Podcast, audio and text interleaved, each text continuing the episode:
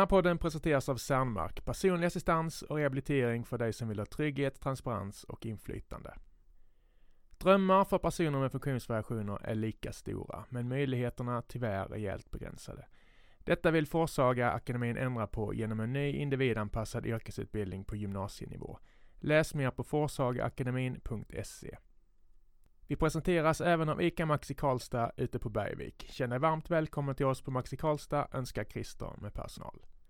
Tack för att du möjliggör den här podcasten. I det här avsnittet träffar vi den före detta Forshaga Akademi-eleven Daniel Nilsson som nyligen blev Sveriges första sportfiskare på heltid och som dessutom vann prestigeskilda Pike Fight. Tack även till vildmarken.se som låter oss återanvända och publicera det här bonusavsnittet. Nu rullar vi vignetten. Stins Daniel Nilsson är Sveriges första sportfiskare på heltid och nyligen fick han kröna 2020 genom att tillsammans med sin teamkamrat Elias Narvelo vinna Pike Fight. Och nu sitter han äntligen i vår podcaststudio. Välkommen hit Daniel! Tack så mycket, tack så mycket! Hur mår du idag? Jag mår fantastiskt! Ja, du är på väg på äh, äventyr. Vi sitter och spelar in det här den 25 januari i Karlstad. Vad för dig hit? Uh, ja, podden. Podden? Och, och så ska jag iväg och träffa en ny kollega till mig faktiskt i Forshaga. En ung kille som heter Erik som eh, vi kommer att jobba en del med. Han är jätteduktig på att filma. Ja. Så vi kommer använda honom mycket i rörlig bild framöver. Det var lite Så- mentor, fint med lite mentorskap. Vi, vi, Ja. i, när vi hade Matilda här för ett tag sedan så pratade vi just om att ni gamla elever, ni, ni håller ihop liksom och hjälper varandra och, och Mm. stöttar varandra. Ja men det är kul för att många som jag jobbar med, eh, bland annat han som är medieansvarig på Westin, Mm. Andreas Aggelund, han gick ju på akademin eh, Okej. för många, många år sedan. Ja. Och eh, jag själv gick där för många år. Det känns som att det inte var många år sedan men eh, det 15 var många år sedan typ eller? 2007 tog jag studenten. Ah, ja. Så det, tiden Det är inte så iväg. farligt. Nej men det känns som det var igår. Ja. Eh, Men det är så coolt för att många butiker har ju anställda som har gått på akademin. eh, Och många i branschen överlag liksom. Så att det är sammanflätad eh, grupp människor i branschen som har eh, den bakgrunden. Mm. Vi samverkar ju mycket. Vi får bland annat deras, med Forsakademin, vi får ju deras elevtexter varje månad och sådär. Liksom, alla talar mm, väl om det, att man får med sig så många verktyg därifrån. Det är Ja. inte bara så att du laddar i fiske där, eller hur? Matilda pratar ju om till exempel att hon stärkte självförtroendet väldigt mycket och så vidare efter sina Mm. år. Va, vad plockar du främst med dig Eh, från studietiden? Det är ju att det öppnar upp portar liksom i branschen. Eh, och eh, sen en, viktig grej var ju också att eh, man har ofta någonting man fiskar specifikt innan man börjar där. För mig var det mycket abborre och, och sådär då, och flugfiske. Men när man väl kommer dit så är liksom alla i klassen har ju olika intressen. Lärarna har sjukt mycket kunnande. Så man öppnas upp för alla metoder och det är liksom schemalagt till och med att prova alla metoder. Mm. Och det gör ju att man, man får prova på allt. Man Så både, schemala, så både schemalagt och liksom klasskompisarnas Mm. entusiasm och det Ja, blir man får testa på allt och man hittar sig själv i fisket. Man Ja. vet vad man tycker om efter det liksom. Mm. Eh, och sen såklart, om man väljer bra praktikplatser. För de har väldigt bra kontakter. Och så kan det leda till jobb. de har nycklarna vidare. Mm. Ja men precis, det låser upp porten till branschen. Var tog du, väg och var tog du vägen efter utbildningen? Eh, jag började jobba i en jakt och fiskebutik. Eller nej, då var det en renodlad fiskebutik i Stockholm. Mm. Mm. Bäras fiske. Mm. Och sen eh, har jag jobbat på jakt i Örebro. Och sen har jag jobbat på Huntyard uppe i Stockholm. Ja. eh, När de startade. Och sen har jag, sen har jag haft lite ströjobb däremellan också. Mm. Eh, Men nu så har jag varit på Westin i nio år. H- Hur trivs du i butik? Trivs jättebra i butik. Ja, Det är fantastiskt kul. stort klädintresse och Mm. service-minded. Ja men det, det är coolt är det. Just det här att hjälpa folk och sen få tillbaka när de kommer och, liksom, och det har funkat det man har hjälpt dem med. Mm. Det, vi har alltid velat vara guide för. Och sen blev det liksom så att jag inte riktigt kände för att vara det för det är så säsongsbetonat. Ja, Men lite av den glädjen får jag när jag jobbar i butik. Att man hjälper folk och så kommer de tillbaka och är nöjd med den hjälpen de har fått. Och det är typ av guidning liksom. mm. Och sen nu i mitt jobb så inspirerar jag folk istället. Eh, och eh, Alltså det är så fantastiskt kul. Man får feedback eller träffa folk och de liksom, "Ah, fan vad kul, jag blir sporrad och, men, men, men är det en bransch med mycket liksom, som ger mycket glädje tillbaka? Eh, Verkligen. Det är inte så mycket sura miner och, och så Nej, eller? alltså det, det är lite skav i branschen, så är det ju. Ja. Alltså det är ju Fiske engagerar ju folk från alla delar av samhället. Mm. Klart att det skär sig någonstans liksom. Mm. Eh, Men det det också gör är att det förenar ju människor från alla, från Ja, jag, hela vet, världen. jag vet att du har sagt det i andra podcaster, precis som i jakten, när man väl är Mm. där så spelar det ingen roll vart man kommer från samhällsskikt och Exakt. så vidare, vad man jobbar med och så vidare. Berätta Ja. lite om det. Det är liksom en, en Ja, dörröppnare. Jag tycker det är ett fantastiskt sätt att förena folk ifrån alla samhällsklasser. Ja. Liksom. Eh, Och fiske är ju Det betyder så mycket olika för alla. För att var, man- var man än är och så kommer det fram att man jobbar med fiske så är det så här, åh fan jag fiskar också. Men det, är alltså, det kan vara att man har en uh, skeddrag i sommarstugan och kastar. Det är fiske. Uh, metrev, mask, det är fiske. Uh, vart du än kommer i världen kommer du hitta folk som fiskar och det behöver inte kosta pengar. Det är en Alltså- internationell icebreaker. Ja, och det är liksom, det förenar folk eh, på mycket, och, och även om du inte fiskar så kanske du har en pappa som fiskar Mm. eller en brorsa eller en syrra liksom. Men eh, det är det som är så fantastiskt med det. det jag, gillar, jag gillar personligen inte fotboll. Det är Nej. inte min grej alls. Eh, men jag har stor respekt för fotboll. För man ser det förenar människor från varenda del av hela världen. Kommer du till en liten by i Afrika, kastar du in en boll så kommer du se barnen leka med den. Mm. Eh, samma med fiske. Och man kan liksom hålla det till den simpla glädjen med att fånga på ett metspö. Och du kan få så många timmar med roligt med dina barn. Ja, jag hörde en intervju, 30 spänn. Ja, så kan man 30 ska... spänn. Så ja. åker du ut med, med, metrev och du kommer bli skitglad när du fångar fisk. Ja, Eh, eller så lägger du flera miljoner som en annan gör liksom. ja. Och bara går fullt ut. Och sanningen är att jag har nog lika roligt som, Det kan vara samma glädje. Ja, det kan vara samma glädje. Du är ju en pionjär. Jag har förstått det. Jag, det här, vi kör ju det här avsnittet lite på uppstuds. Det var Mm. inte länge sedan vi visste att ni skulle komma inom här. Nej. Men om jag har förstått det rätt. I presentationen sa jag att du är Sveriges första sportfiskare på heltid. Först och främst, det stämmer, eller hur? Mm, men jag skulle nog nästan till och med i Euro- Europa faktiskt. Ja, för det var det jag skulle komma till. Det, det är väl ovanligt i, det, det är inte Mm. bara ovanligt i Sverige, det är ovanligt i hela Europa. Ja, det är väldigt, väldigt nytt hela det här steget som Westin tar. Ja, Så det, Westin är ju framkant. Det är kul. Det? det? är faktiskt väldigt kul att, Ja. att säga att vi är det. Eh, och det är min chef då som är väldigt nytänkande, Thomas Pedersen. Ja, Han, uh, vi har jobbat för honom i nio år nu. Och med min roll som säljare, jag har varit säljare. mm. Eh, och med den här rollen så har det kommit mer och mer marknadsföring sista åren. Och i dagsläget med våran, hur det går för Westin och, och hur på sätt vi gör det. Så var det ändå ganska logiskt steg för honom att ta och sätta mig på den här tjänsten. Du var inte helt eh, chockad när du fick frågan Nej, för eller? det har ju liksom växt över till Det har den gått rollen. mot den, Ja. den utvecklingen. Exakt. Så det Ja. är kul. Men vad innebär det i praktiken? Jag förstår att det är komplicerat vad du Mm. gör men, men går det att ringa in en dag liksom? Ah, Det är så himla luddigt där. Ja, jag förstår. Väldigt flummigt är det. Så det passar ju mig. Ja. Men eh, grund och botten kommer jag ju att finnas där jag behövs. Eh, och om det, nu har vi ju läge med pandemi i världen som sätter ju en del käppar i hjulet. Ger Såklart. också möjligheter såklart. Mm. Eh, men om vi tänker, om det inte var för corona så hade, hade jag nu haft flera mässor ute i Europa på gång. Eh, som jag skulle varit på. Polen, Frankrike bland annat då. Och sen även är ju tänkt, tankt, eh, tänkt att jag kommer att till exempel eh, göra filmprojekt med större butiker ute i Europa, i Sverige.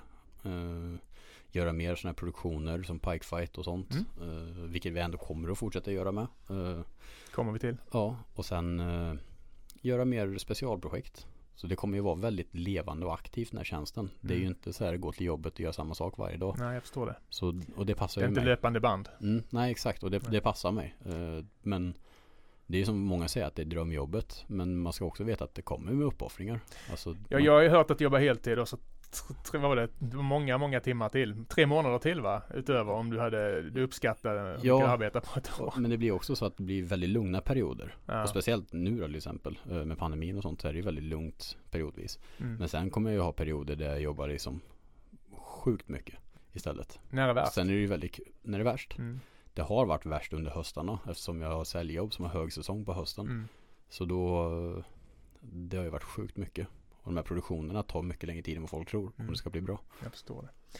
Du pratar själv om att du har, du har varit säljare, du har sälj i blodet. Om du, om du får koppla på den rollen och ohämmat berätta om Westins eh, storhet. Hur hade du lagt fram det då? Eh, vad tänkte du då? Nej men alltså berä, berätta sportfiskeföretagets Westins Mm. storhet. Vi ska prata lite historia snart. Jag tyckte det var intressant med, med Ingvar och så vidare. Men, Mm. men varför ska man välja Westin? I dagsläget så gör vi ju väldigt, har vi väldigt brett program. Vi har eh, konsulter, ger oss så mycket bra information. Så vi har grejer som funkar ute i fält. Vi har grejer som tilltalar. folk i deras fisken. Vi har väldigt breda program med spön och beten så att i dagsläget finns det någonting för de flesta eh, inom Westins eh, kategori av produkter. Men eh, det som gör Westin väldigt unikt är ju att vi fortfarande är eh, kärnan av Westin är väldigt liten. Vi är ju typ bara en handfull personer som, som sitter i kärnan i, liksom och jobbar med det hårt.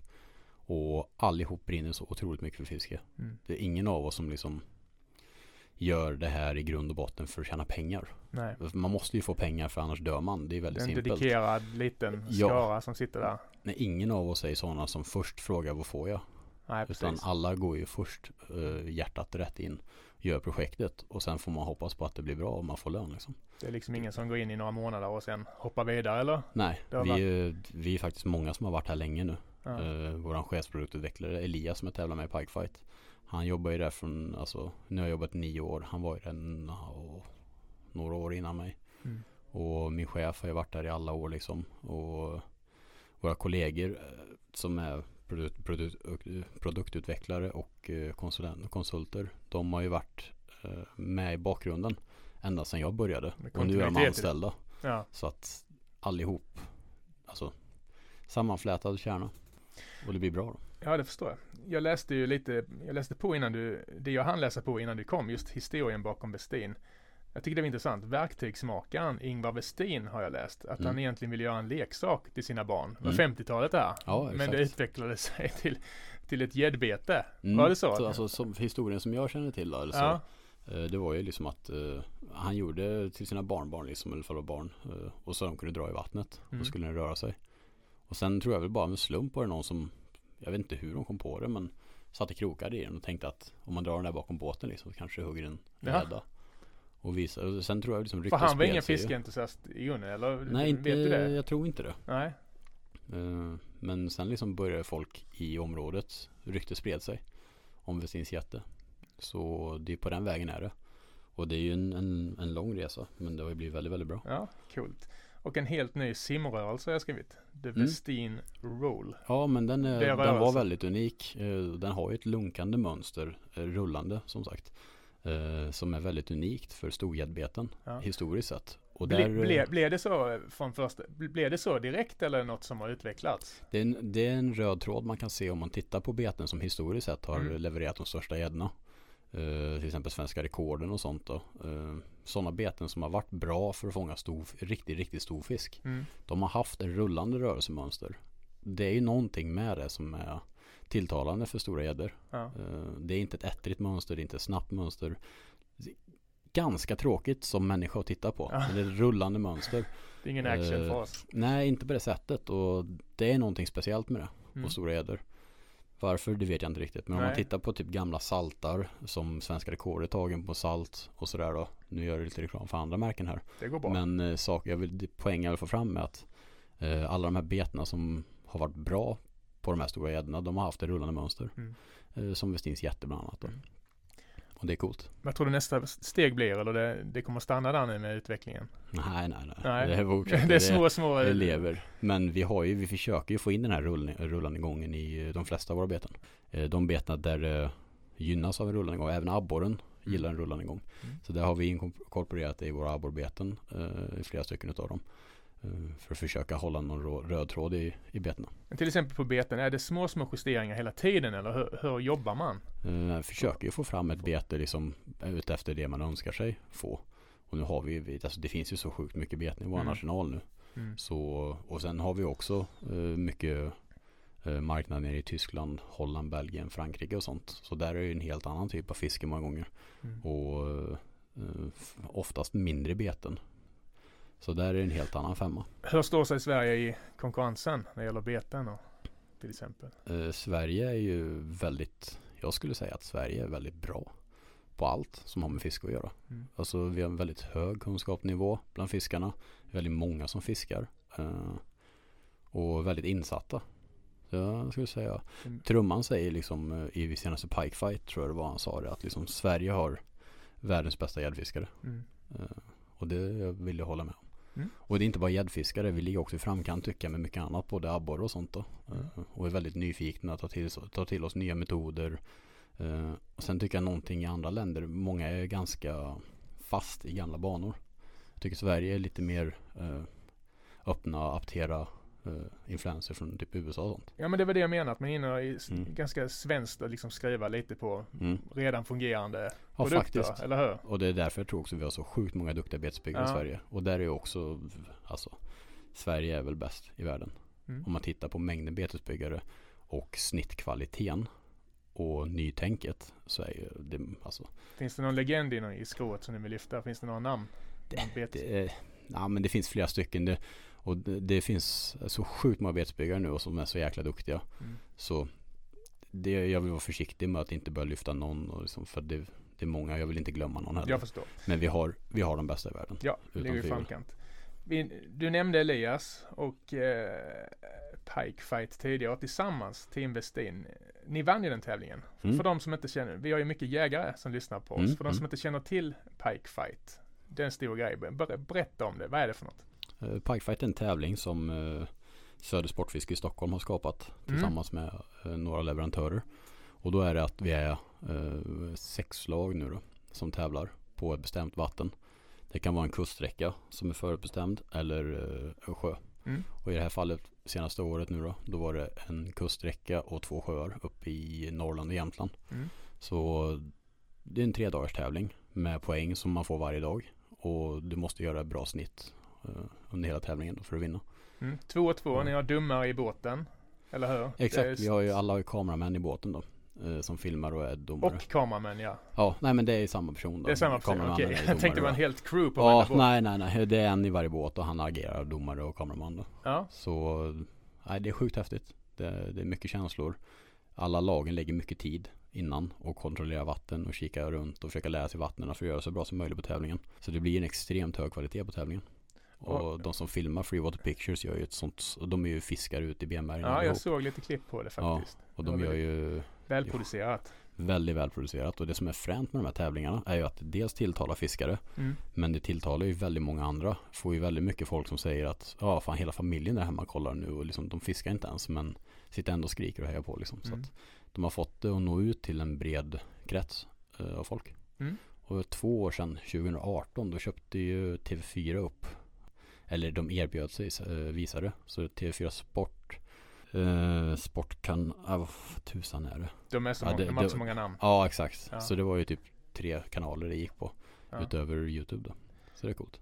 Och det var tredje gången gilt det har skrivit, stämmer det? Du har varit med och testat För innan? mig var det tredje gången. Ja, Mm. och Och Stina har varit med fem gånger. äntligen vinst. Mm. Ja.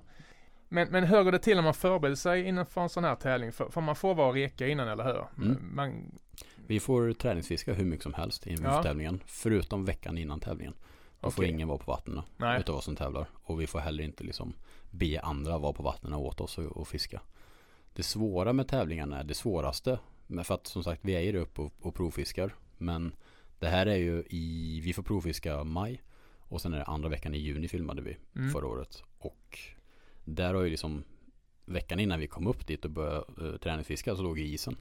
Jaha. Så när isen släpper och, och de tre veckorna typ fram till filmning eh, Det hinner ju bli typ 18 grader i vattnet Gäddorna har ju lekt Sen gått ut efter sina lekplatser då Okej. Eh, Så det händer sjukt mycket i vattnet Så där de är eh, där, där vi hittar gäddorna När vi rekfiskar Så där är de inte två veckor senare när vi ska tävla Nej. Så att det, det handlar mycket om att eh, Få koll på vart gäddorna leker eh, Och sen Göra en prognos Vart man tror att de är om två veckor Hur tänker man då? Ta oss in i din hjärna där. de vattnen är ju väldigt karga där uppe. Ja. Och hittar man gräs så är det ju någonting som gäddan ter sig till. Okej. Betesfiskarna är i gräset och håller sig runt gräset. Så att stora gräsflak var ju nyckeln i år. Ja, ja. eh, På insjön i alla fall. Hur mycket delar man med sig av sånt när det väl är där? Absolut ingenting. Nej. Jag blir Alltså, förvånad det, att du vi, svarar. Vi pratar ju inte ens med varandra innan tävlingen. Nej. Det, finns ingen idé för alla bara är hemlighetsfulla. Det är, så, det är så mycket allvar bakom det. Vi är kompisar allihop bakom kulisserna. Men det är så mycket allvar i det innan. mm. Så det är otroligt mycket hysch mörkningar och vet du, Frågar man någon någonting så kan man ju veta med att svaret är ju någonting kryptiskt för att antingen få information eller vilseleda. Ja, precis. Ja, men jag, vet, jag vet ju att platsen också är hemlig för Mm. lokalbefolkningen. Så, eller hur? Ja, alltså det är Eller ingenting vi skyltar med. Nej. Men nu har det blivit så att eh, det har blivit så känt så att när de ser någon av våra båtar eh, i vatten, går det går fort direkt. Ja. Ja, men jag läste någon, någon lite negativ eh, kommentar om att det har blivit så poppis att fisketrycket ökar och sådär. Men Mm. jag hörde någon podcast där du Mm. pratade om det. Men du, du sa att det var marginellt för du hade varit där en stund senare eller du, du Alltså det två veckor senare. Är, Vi, dels är vi ju liksom, vi går inte ut med vilka vatten det är. nej, Och Freewater är snabba att radera kommentarer på YouTube och sånt. Okej. För ibland så är det lokalfolk som tittar på det här. mm. Som skriver liksom Åh fan vad kul, ni är på ja, ja. eh, den här sjön och fisk. De tycker bara det är kul att Åh, vi har varit där och tävlat. Men det kanske har skitbra fiske. Så är det liksom 40 000 människor som läser vilken sjö det ja. Det går fort då. Så Mm. att då är de där ändå och raderar sådana kommentarer fort. Och det vill jag hänvisa till om folk lyssnar på det här och skulle få reda på vilket vatten vi är i. ja. Nämn inte det för någon liksom, på nätet i kommentarerna och sånt. För det, det, det gynnar inte vattnen såklart att det blir tryck på vattnen. Och kan vi hålla nere trycket så är det bra. De menar väl men det, det blir ja, fel. exakt. Ja. Det, det är klart det blir fel för att inom fiske så är det alltid kul. Det är som svampställen. Man delar inte med sig av det. Nej, av en anledning. Jag förstår. Och ni fick en pokal på köpen. Var, var står den? Jag hörde Den något står om en showroom i Danmark har jag hört talas om. Den ska stå i Danmark. Den står fortfarande hos mig. För att, eh, jag, tog, jag ville inte att någon av oss skulle ha pokalen efter vi vann. Okej. Eftersom det måste hållas hemligt så länge. Jag förstår. Så jag hämtade den i höstas. Den står hos mig. Varför showroom i Danmark? Uh, Westin ligger i Danmark. Okej, det är Det är huvudkontoret där. ja. Ja, jag Så det är uh, dans nu då. Mm. Vi har fått in lite läsarfrågor också. Ja, coolt. Eh, några är lite tuffare, några är lite tramsiga. Mm. Eh, vi, vi, vi drar dem. Ja. Hur jobbar man med trovärdighet när man är märkesanknuten? Det är ju upp till betraktaren att avgöra hur trovärdig man är. Ja. Eh, och där är ju, har jag alltid varit väldigt transparent. Alltid skrivit vad jag fångar mina saker på. Eh, och, och jag försöker jobba med att lyfta andra även också. Eh, till exempel när jag kör produktvideos och sånt uh, ut hos kunder. Och jag visar till exempel mjukbete från oss. Mm. Så har jag alltid varit öppen med att liksom Om jag rekommenderar ett uh, jiggskalle från CVC så säger jag det i filmen. Eh, jag liksom, det är ingen som tjänar på att jag inte säger vilket det är. Eh, och skulle jag till exempel alltså nu har ju Westin Nu är vi så stora så att vi har allting. Men innan, jag, har alltid försökt att fiska, hålla mig inom Westin och vi har liksom det som behövs Mm. eh, för att lyckas. Eh, och så typ, ja men vi har inte så mycket grejer till typ bottenmete och sånt där men jag använder ju krok och allt möjligt från alla. Eh, Mm. men jag, och sen också det här Många hänger ju beten i munnen på fisket, eh, på fisken när man tar bilder. Och det är ett väldigt bra sätt för att jag, alltså Många vill veta vad man fångade fisken på när man lägger på sociala medier. Jag har ingen bild där jag liksom placerar betet eh, i munnen. För jag tycker alltså det är lika trovärdigt att skriva i texten vilket bete det var på. Ändå får man ju frågor av vilket bete det var på fast man skrivit det. Men Ja, jag försöker alltid liksom vara transparent där och skriver också alltid vikten på fiskar till exempel. Mm. Liksom för att många bilder kan fisken se väldigt stor ut. Skriver man inte ut hur stor den var så tror kanske folk att den är extra stor och många drar ju nytta av det här liksom och låter fisken liksom se större ut än vad det är. Men jag Mm. försöker alltid skriva längd och vikt om jag har det på fisken. vi skrev nyligen en text om eh, trofébilder. Ja. Vad man bör tänka på och vad man absolut bör undvika. Mm. Vad det gäller i, i fiskevärlden. Okej. Vad, vad har du för tankar kring det? Vad tycker du man ska visa respekt och inte ljuga med vinklar och grejer? Vad, vad, vad finns det för något i fiskevärlden? Ja, det är ju kul det här för att eh, det har ju snackats en del om frontning på fisk eh, sista tiden. Eh, och det, är bra för att eh, fiskar ser ju ofta större ut på bilden vad de är. Eller de gör ju det. Och jag tycker att det, man ska göra det. Alltså man ska fronta fisken. Fisken är ju liksom motivet i bilden. Och en fisk, en svensk fisk, insjöfisk, är inte en stor Det är inte en stor grej. Den är liten. En gädda på 10 kilo är inte speciellt stor till massan. Så att om en person håller den helt in till kroppen och liksom och sådär så ser den ju väldigt liten ut. Mm. Det, är en lite, det blir bara en 5% av bilden. Det är ju fisken man vill visa upp. Så jag tycker ju en, en bild när du framhäver motivet. Fråga vilken fotograf som helst. Ska man framhäva motivet på bilden eller inte? Mm. Man ska inte hålla den över axeln Du liksom. kan ju inte göra det, det blir inte bra liksom. Nej. Vill du ha en fin bild på din fisk och göra, men man ska också tänka på att håll fisken med respekt. Eh, minimera tiden i båten. Sådana saker är viktiga. Och är det till exempel en, ja, men får man en gädda på liksom 15 kilo, det går inte att hålla den på sträckta armar. En fisk på 15 kilo är sjukt tung. Mm. Eh, och ja, men då får man ju liksom stödja den bättre. Mm. Det är viktigt. Men jag menar en abborre på ett och ett halvt kilo, du måste fronta den. Den försvinner i bilden annars. Det blir inte en värdig bild för fisken som är jättevacker. Vad, vad finns det för no-no? Vad ska man absolut inte göra? No, no. Men jag tycker fisken ska representeras i sitt, liksom i sitt S. Det ska inte vara skräp på fisken och sånt. Jag tycker att det ska framhäva färgerna på den. Vill gärna att den ska se pigg ut. Och det gör den liksom om du hanterar den väl. Snabb hantering. Snyggt. Hur hanterar du kritik?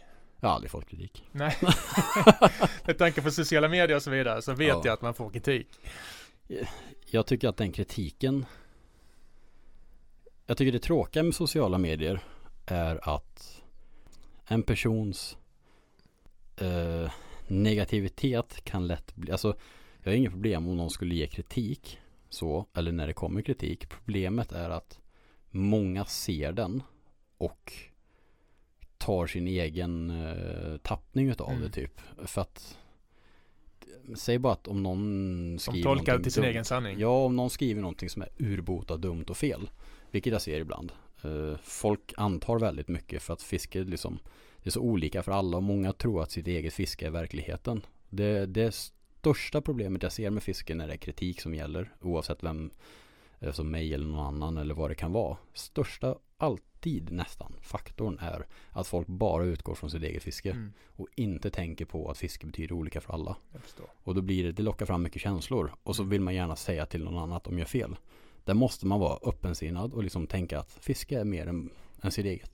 Mm. Och där tror jag mycket av missuppfattningen ligger i kritiken.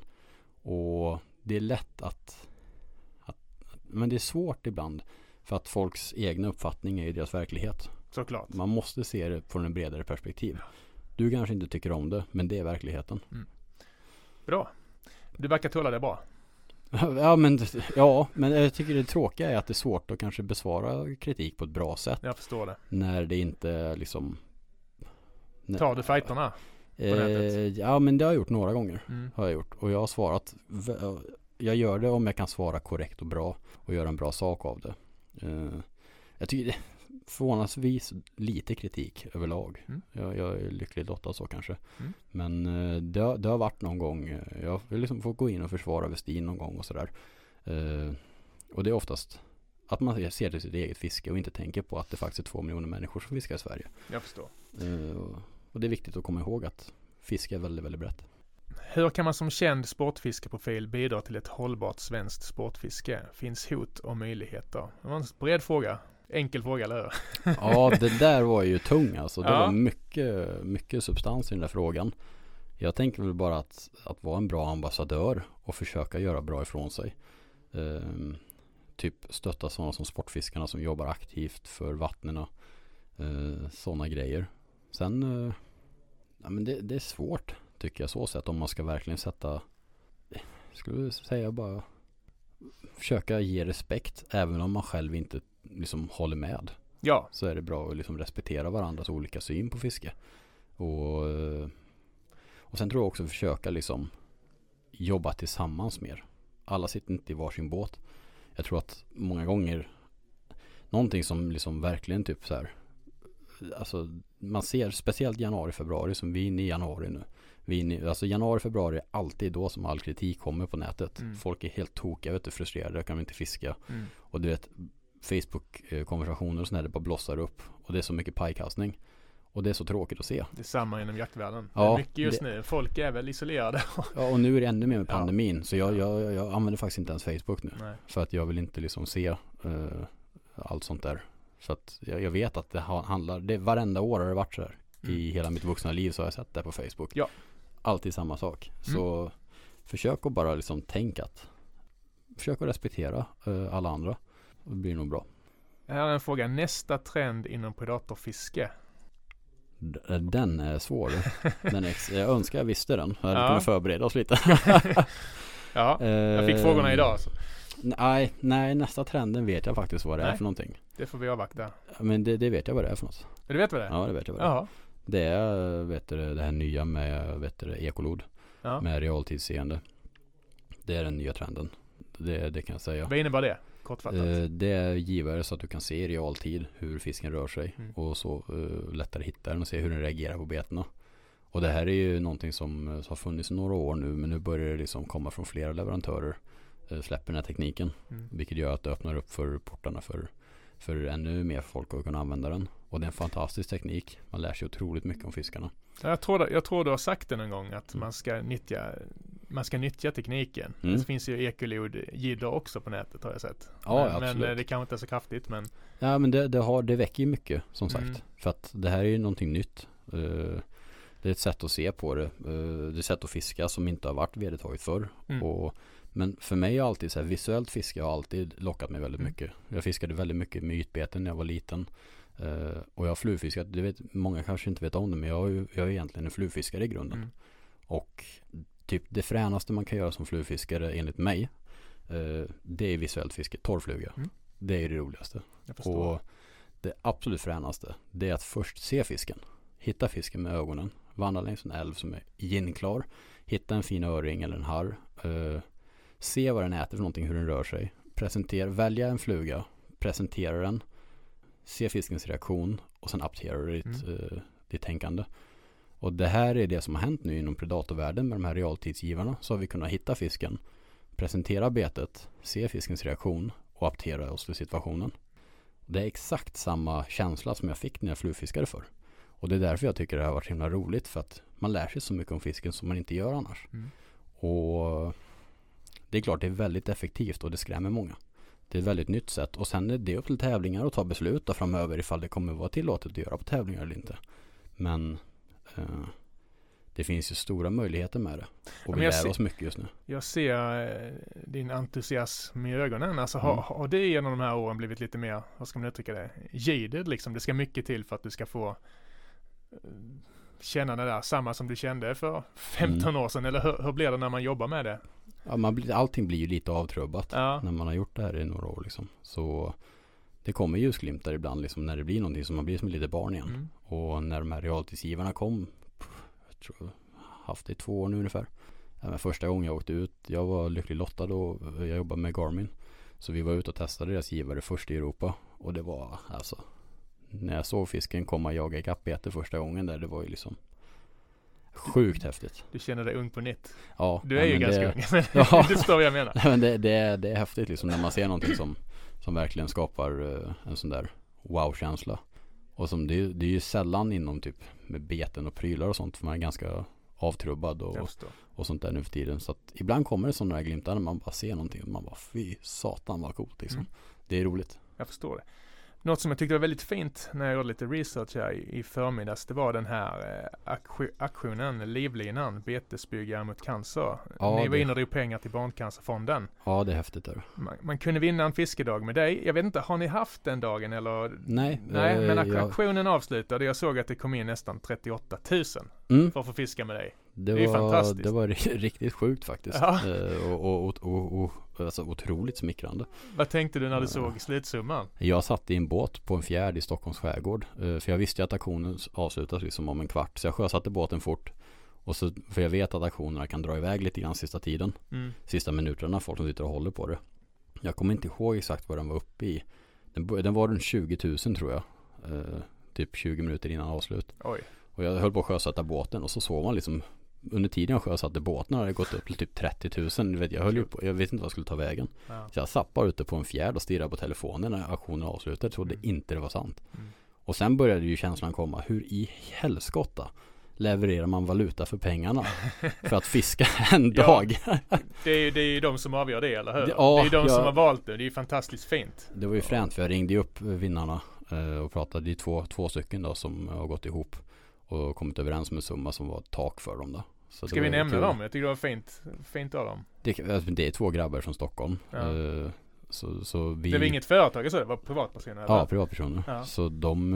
eh, Nej, jag erbjöd några olika alternativ som man kan göra. Jag vill ju såklart leverera så bra jag bara kan och Mm. de är gäddfiskare. De kollar pikefight och sånt. Så, ehm, eftersom vi gjorde väldigt bra ifrån oss på pikefight finalvattnet i år så erbjöd jag att vi skulle åka upp dit och köra där uppe. Coolt. Eh, så vi kör... Mervärde. Ja, exakt. Så det tyckte de var en skitcool idé. Så vi får se Ja. vad det blir. Ja men du är en jättestor profil i branschen och Men det jag såg som jag hade varit nervös för, du, du, jag tror att du lovade att du skulle laga mat också. det, det gör jag jättegärna. Jag älskar att laga mat. Ja, vad, vad kommer du bjuda på? Ja, ja, det var ju det också. Hur, hur ger man valuta för pengarna? Jag inte jag kan, 38, 38 000. så här, Lobster Thermidor blir lite svårt att göra på Murika men Ja. jag kan försöka. Det blir inga fiskpinnar i alla fall. Men det sa jag till dem att ni vet att det är helt omöjligt att få värde för pengarna och då, då skrattar de bara. Ja. Så det är de införstådda med. Men det kommer bli en skitkul dag tror jag. De verkar vara härliga. Nej, vet ni när det är dags eller? Nej, vi, vi, kom, vi håller kontakten. Ja. Och så för att liksom, vi skulle kunna bränt av det nu i höst snabbt men jag vill ju såklart att det ska bli så bra som möjligt för Det dem. vore ju grymt kul om det kunde tas någon bild eller något. Det kommer det Det garanterat hade att varit göra. kul att, att rapportera på något sätt. Men just det här hela livlinan-aktionen, jag tror det drog ju allt som allt. Jag, ska inte säga någon siffra nu som var fel, men alltså det var ju typ en kvarts miljon Jag såg det. Jag såg det. Det är helt sjukt. Nej, det är helt otroligt. Men vilka var det som roddade det här eller arrangerade det här? Det är en snubbe från Stockholm som heter, eh, han kallas för JL Lures, en betesbyggare. Mm. eh, Som heter Jakob Lindahl. Som står bakom hela livlinan nu. Han tog över ifrån en annan som startade projektet för några år sedan. Men eh, Jakob har ju drivit det nu i, för det här var första året tror jag han drev det. Och det blev ju jättebra. Han är sjukt eh, engagerad och duktig. Och det var roligt att han fick med oss. Eh, Det var jag och min kollega Jörgen från Westin och Jörgen drog ju också in en riktigt stor slant till, Mm. Till dem. Så att Ja, det är, otroligt. Cred till honom. Ja men det är otroligt. Alltså det är sjukt många som har ställt upp Mm. i livlinan. Och betesbyggare och, och, och sportfiskare, liksom profiler och, och Mm. sånt. Så det ska bli jättekul att se till nästa år hur mycket. Nytta med nöje. Sjukt häftigt. Du Daniel, det börjar bli varmt i studion. Du ska Mhm. dra vidare. Vi håller avstånd för de som undrar. Vi, och så vidare. Men, men sista frågan. Om, om kidsen lyssnar på det här och känner att de vill bli nästa Daniel Nilsson. Vad har Mm. du för råd till dem? Eh, det- är faktiskt ganska vanligt att man får frågor liksom hur man ska liksom ta sig framåt i branschen. Bland ungdomar och sånt. Mm. Och jag tycker ju bara att alltså en, ett stort intresse. Man måste ju vara sjukt nördig eh, i det man gör. Man måste älska fiske. Dedikerad. väldigt dedikerad. Man ska vara nyfiken. Man ska, man ska vara aktiv. I dagsläget är det viktigt att vara aktiv på sociala medier också. Så att det är bra att liksom ha lite grund, grundtankar och, och känsla för, tycka att det är lite kul att ta bilder och sånt också. Det är en väldigt stor fördel i dagsläget. Men i grund och botten är det viktigt att vara genuint intresserad. Och man ska absolut inte fiska för att bli sponsrad. Man ska hoppas på att sponsringen i framtiden kan hjälpa en i sitt fiske. Det är inte, sponsring ska inte vara målet. Eh, Det är viktigt tycker jag. Mm. Man ska ha kul och med tiden så kommer det bra saker också. Mm. Om man gör bra jobb. Man ska, man ska inte stressa på det. Man ska ha kul. Det är viktigt att lära sig att fiska. Tusen tack Daniel. Det har varit kul att ha dig här och vi ser fram emot att följa din eh, resa framöver. Tusen tack för att du kom. Tack så mycket, det var kul.